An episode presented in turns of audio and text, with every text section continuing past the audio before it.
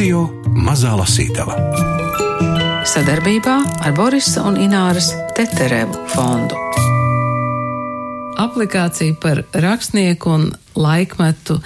Inga, jums droši vien ir jāizstāsta, kā tā grāmata ir radusies, jo tā rašanās nav tā pavisam vienkārši. Viens rakstnieks ņem un uzraksta. Ne, nu tā nebija viss, jo rakstniekam pašam jau nemaz nelikās, ka tāda grāmata ir vajadzīga, bet, nu, mēs tā kā nosvinējām viņu 90 gadus, un tad sapratām, ka cilvēki viņu tā kā mīl, bet nezinu, kāpēc viņi viņu mīl. Un tad mēs ar draugiem nolēmām, ka vajag tomēr uztaisīt tādu grāmatu, kas mūsdienu cilvēkam tā kompakti tomēr pastāsta par to, ko viņš ir darījis un ko viņš ir izdarījis. Tā arī tā grāmata tapa, bet viņš pieslēdzās un vienmēr jau ir tā, ka es jau varu domāt un cerēt, ka es varu kaut ko tādu labu arī izdarīt, bet tad, kad viņš pieslēdzas, tad izrādās, ka mēs tomēr esam uz ļoti atšķirīgiem plauktiem.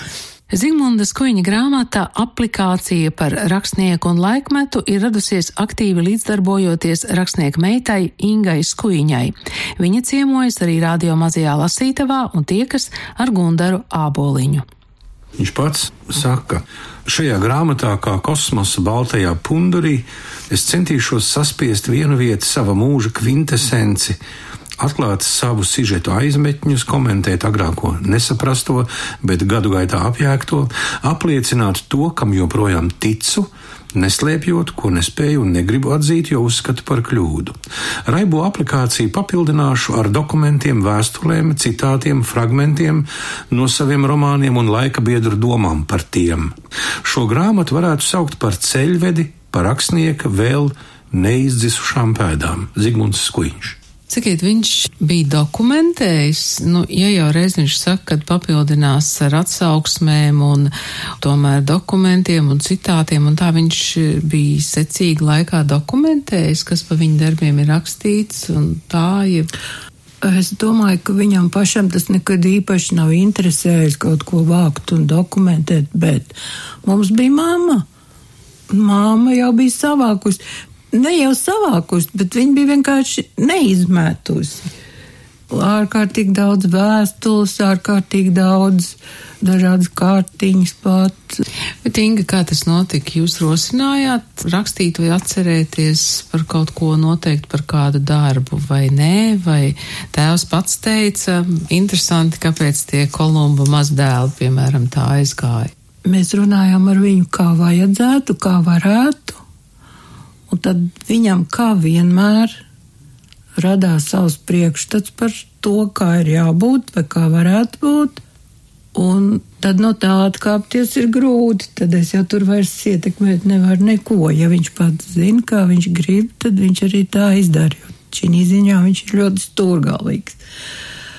Man bija sakrājies kaut kas, ko es biju uzrakstījusi arī droši vien vēstuļu formā vai kaut kā draudzenēm rakstot vai kaut kā, un tad bija lietas, par kurām viņš, protams, nerakstīja, tad bija kaut kādi fragmenti, ko viņš teica, ka viņš no esošām grāmatām jau varētu ielikt iekšā, kas to viņa dzīvi tā kā attēlot, jo, jo patiesībā jau rakstnieks neraksta neko citu kā savu dzīvi. Tā kā visi viņa darbi ir patiesībā viņa dzīve, bet tikai to ir daudz, un tas ir par daudz.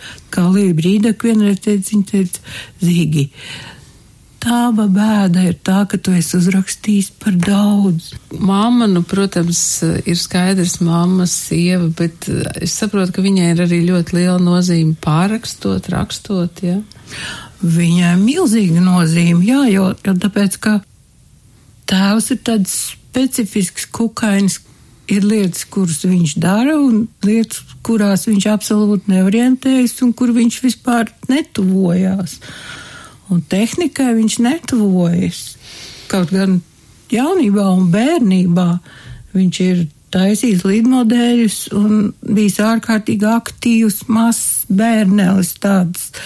Bet pieaugušos gados un savā rakstnieku dzīvē viņam nav bijis automašīnas nekad un viņš neko tehniski nav veicis. Es nezinu, vai tas ir apzināti vai neapzināti, bet man šķiet, ka viņš ir ļoti koncentrējies uz to savu rakstnieku darbu, un vēl man liekas, ka viņš varbūt tomēr dzīvoja tajā savā pasaulē.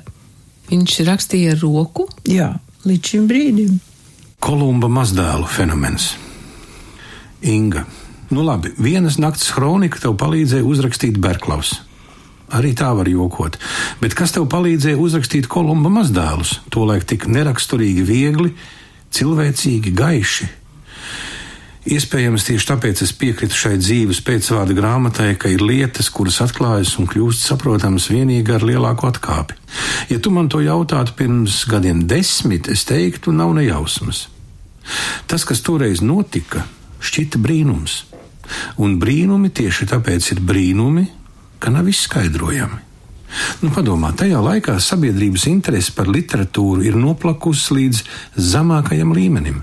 Komunistiskā partija oficiāli paziņojusi, ka literatūrā jāattālo nevis personīgi pārdzīvojumi un atziņas, bet laikmeta patiesība, kas ved uz komunistisko nākotni. Šīs patiesības vienīgais zinātais biedrs Staļins ir nomiris, bet viņa vadonības smagi piekrautais noziegumu vilciens, inerces dzīts, turpina ripot. Ņem vērā, ka laika posms, kad tapa romāns Kolumba mazdēli, Latvijā netuvu nav tāds, kam būtu kaut mazākā līdzība ar atkusni. Tieši otrādi.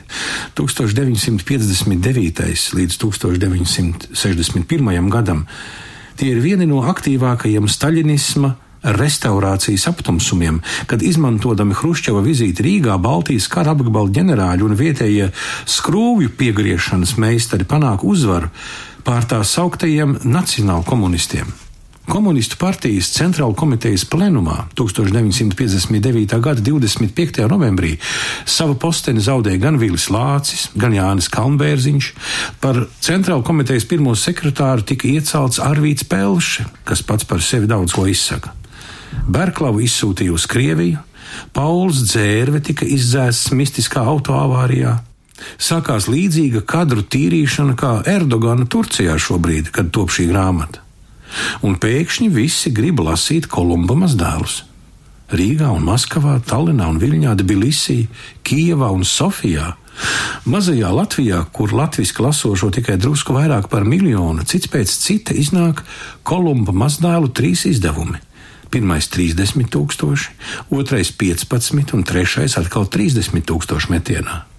Krieviski iznāk trīs izdevumi grāmatās 150 tūkstoši, žurnālā Družba Narodova 100 tūkstoši un sērijā Romāna Gaizēta 500 tūkstoši eksemplāros. Žurnāla Družba Narodova redaktors Smirnovs atsūta vēstuli. Dārgais Zigmunds Jānevičs, man kā žurnāla Družba Narodova redaktoram gribas jūs apsveikt ar lielisku romānu par latviešu strādnieku jaunatni. Nesen no drukātavas iznācis mūsu žurnāla otrais numurs, kurā publicēta jūsu romāna noslēguma daļa. Par to, ka jūsu romāns ir izdevies, ka tas lasās, bet tas rakstniekam ir galvenais, liecina piemēram šāds fakts. Mūsu žurnāla pirmais un otrais numurs iet no rokas rokā. To es zinu pēc mājas, kurā dzīvoju. Mana ģimene, sieva, dēla, meita lasa aizgūtnēm bet viņi ir izlutināti lasītāji. Par to pašu man ziņo rakstnieki, kaimiņi. Tāpat lielā skaitā pienāk labas atsauksmes no lasītājiem, kas zvana uz redakciju un tā tālāk. Lai jums no panākumiem nesagriežas galva, bet ticiet man, par melodiju runās gan kritiķi, gan lasošās krievu masas. Bet par jūsu republiku nemaz nav ko runāt. Esmu pārliecināts, ka grāmata būs jaunatnē mīļa. Kur jums pašai ir mīļākā tēva grāmata? Nu, tas ir tā kā prasīt, kurš bērns jums mīļāks, vai kurš mīļāks tēvs vai māte. Tie darbi viņi ir brīnišķīgi attēlojuši dzīvi. Kā tēvs ir visu dzīvi mainījies, teiksim, skolojies. Bet es lasu arī tos pašus pirmos viņa darbus, kur, protams, ir, nu, kā zobiņiem kādreiz ir tāds aplikums. Tur ir tāds aplikums. Bet pamatā tie darbi ir pārsteidzoši. Viņi ir patiesībā tādā pašā līmenī. Es vēl tikai gribēju piebilst, ka 1962. gadā Kolumba mazdēlu dramatizēja Valdis Grēviņš un iestudēja gan jaunatnes teātris Rīgā, gan valsts liepājas teātris, bet 1964. gadā pēc romāna motīviem Alois Brenčs uzņēma filmu Līdz rudenim vēl tālu. Mans tēvs spēlēja? Ne tik spēlēja, bet arī palīdzēja izrādē tapt. Kolumba maznēla mana tēva radošajā darbā ieņem īpašu vietu. Tēvs te raksta diezgan daudz par dažādiem saviem kolēģiem, par dzējniekiem, par rakstniekiem. Viņš daudz tikās ar dzēniekiem un rakstniekiem, jo es zinu, ka Ziedonis esot teicis, man ar tiem dzēniekiem nav ko runāt. Es labāk tiekos ar ārstiem, ar zinātniekiem. Nu, redz, vienmēr ir svarīgi zināt, par kuru laika periodu mm. tu runā, bet mans tēvs diezgan ilgus gadus ir bijis jauno autoru konsultants Rakstnieku savienībā. Tas jau vien kaut ko izsaka. Otrakārt, cik es saprotu, un arī atceros no savas bērnības, kad es tur gāju Rakstnieku savienībā uz eglītēm. Un man māma gāja palīgā taisīt bērniem paciņas un tīt dāvanas un taisīt tur tiešām tāds brīnišķīgs svētks. Tad Rakstnieku savienība tajā laikā bija klubs. Nu, tas bija tāds klubs, protams, ka tur bija, es tā saprotu, ka tur bija vismaz divas frakcijas. Tur bija tie zvērinātie partijas cilvēki un tie, kas tādi varbūt nebija.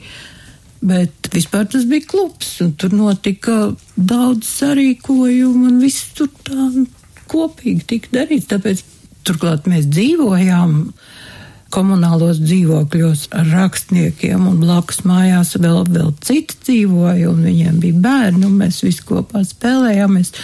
Tā kā tā bija viena tāda dzīvelīga sabiedrība.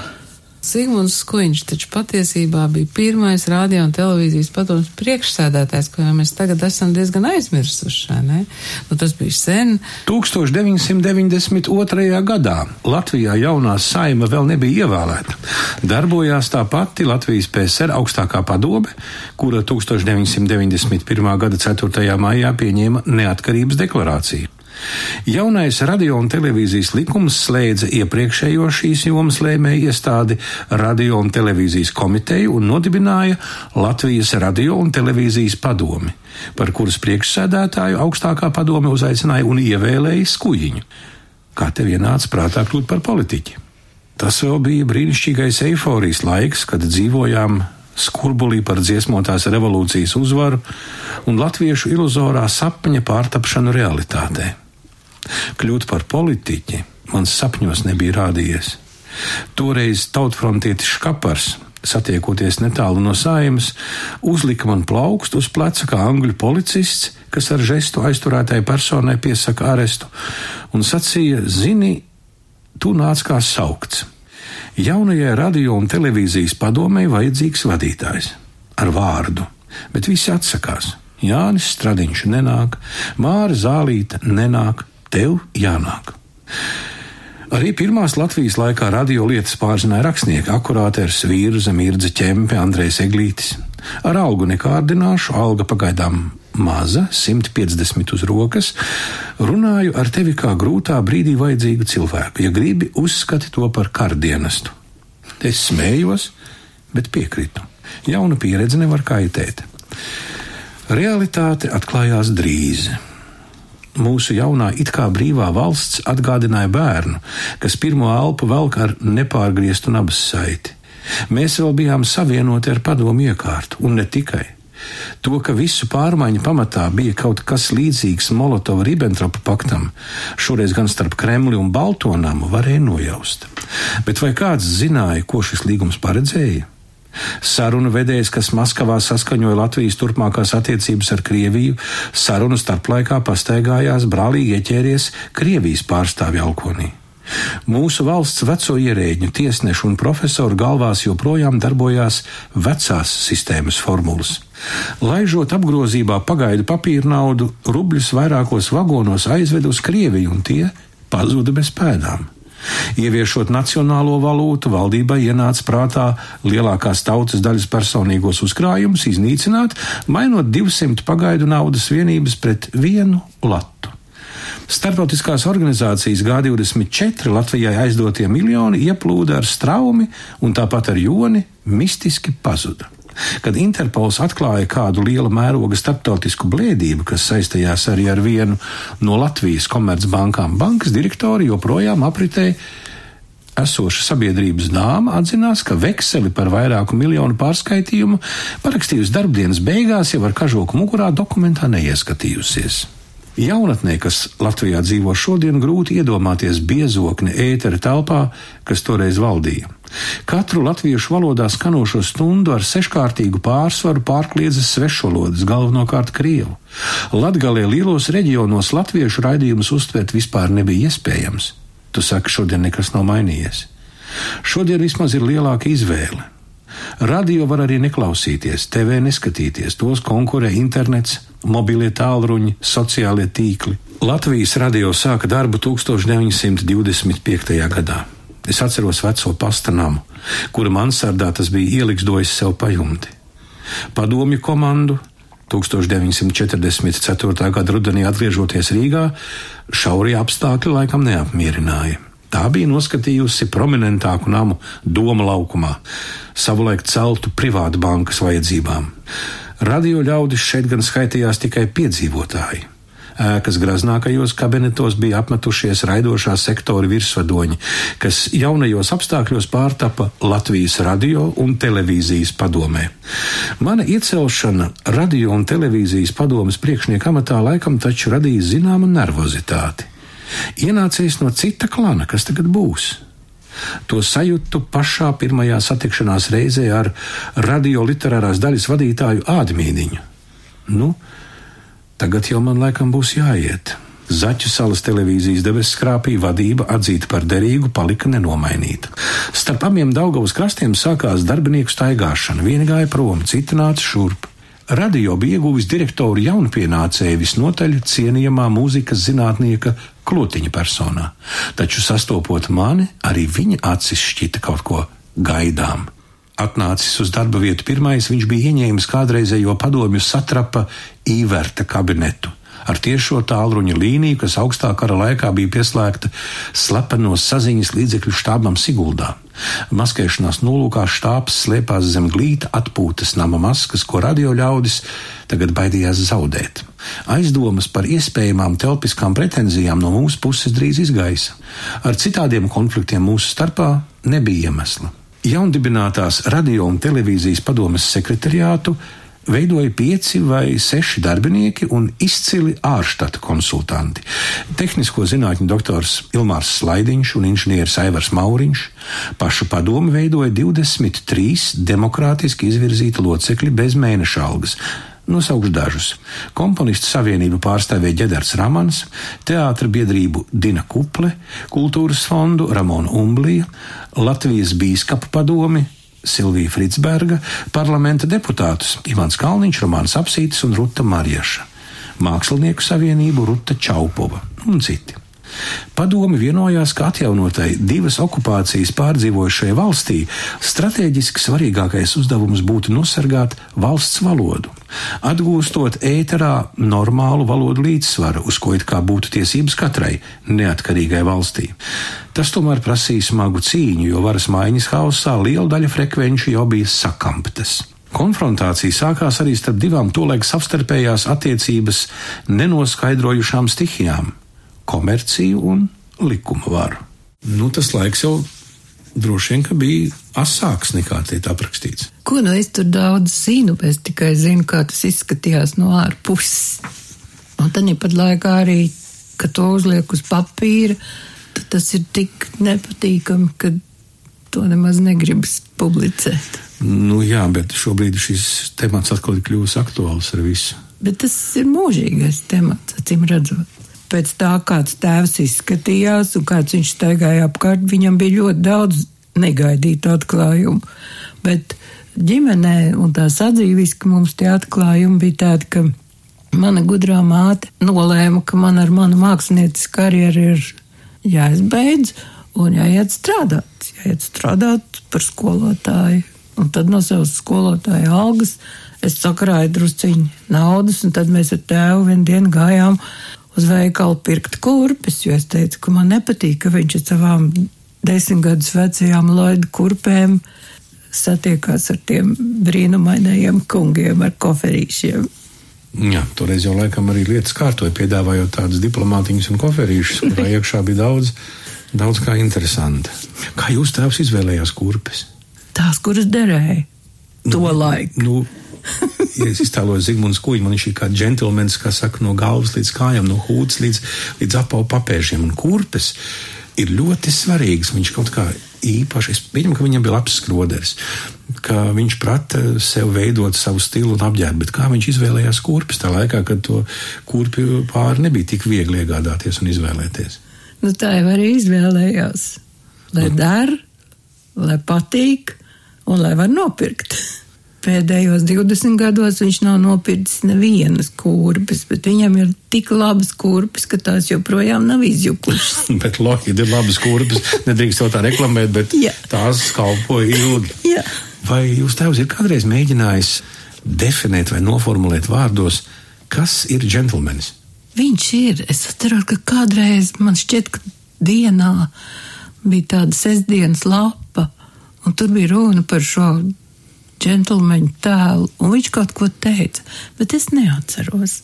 No literatūras un mēdījiem līdz kurpēm un džentelmeniskumam aizrunājas Gunārs Aboliņš sarunā ar Zigmundas Kuiņa meitu Ingu Skuiņu. Lasījām fragmentus no Zigmundas Kuiņa grāmatas aplikācija par rakstnieku un laikmetu. Aplikāciju izdevusi Lasītava, kaut arī rakstnieks pats to dēvēja par tādu kā pēcvārdu un ceļvedi par rakstnieku vēl neizdzisušajām pēdām, tajā nav zudis asums.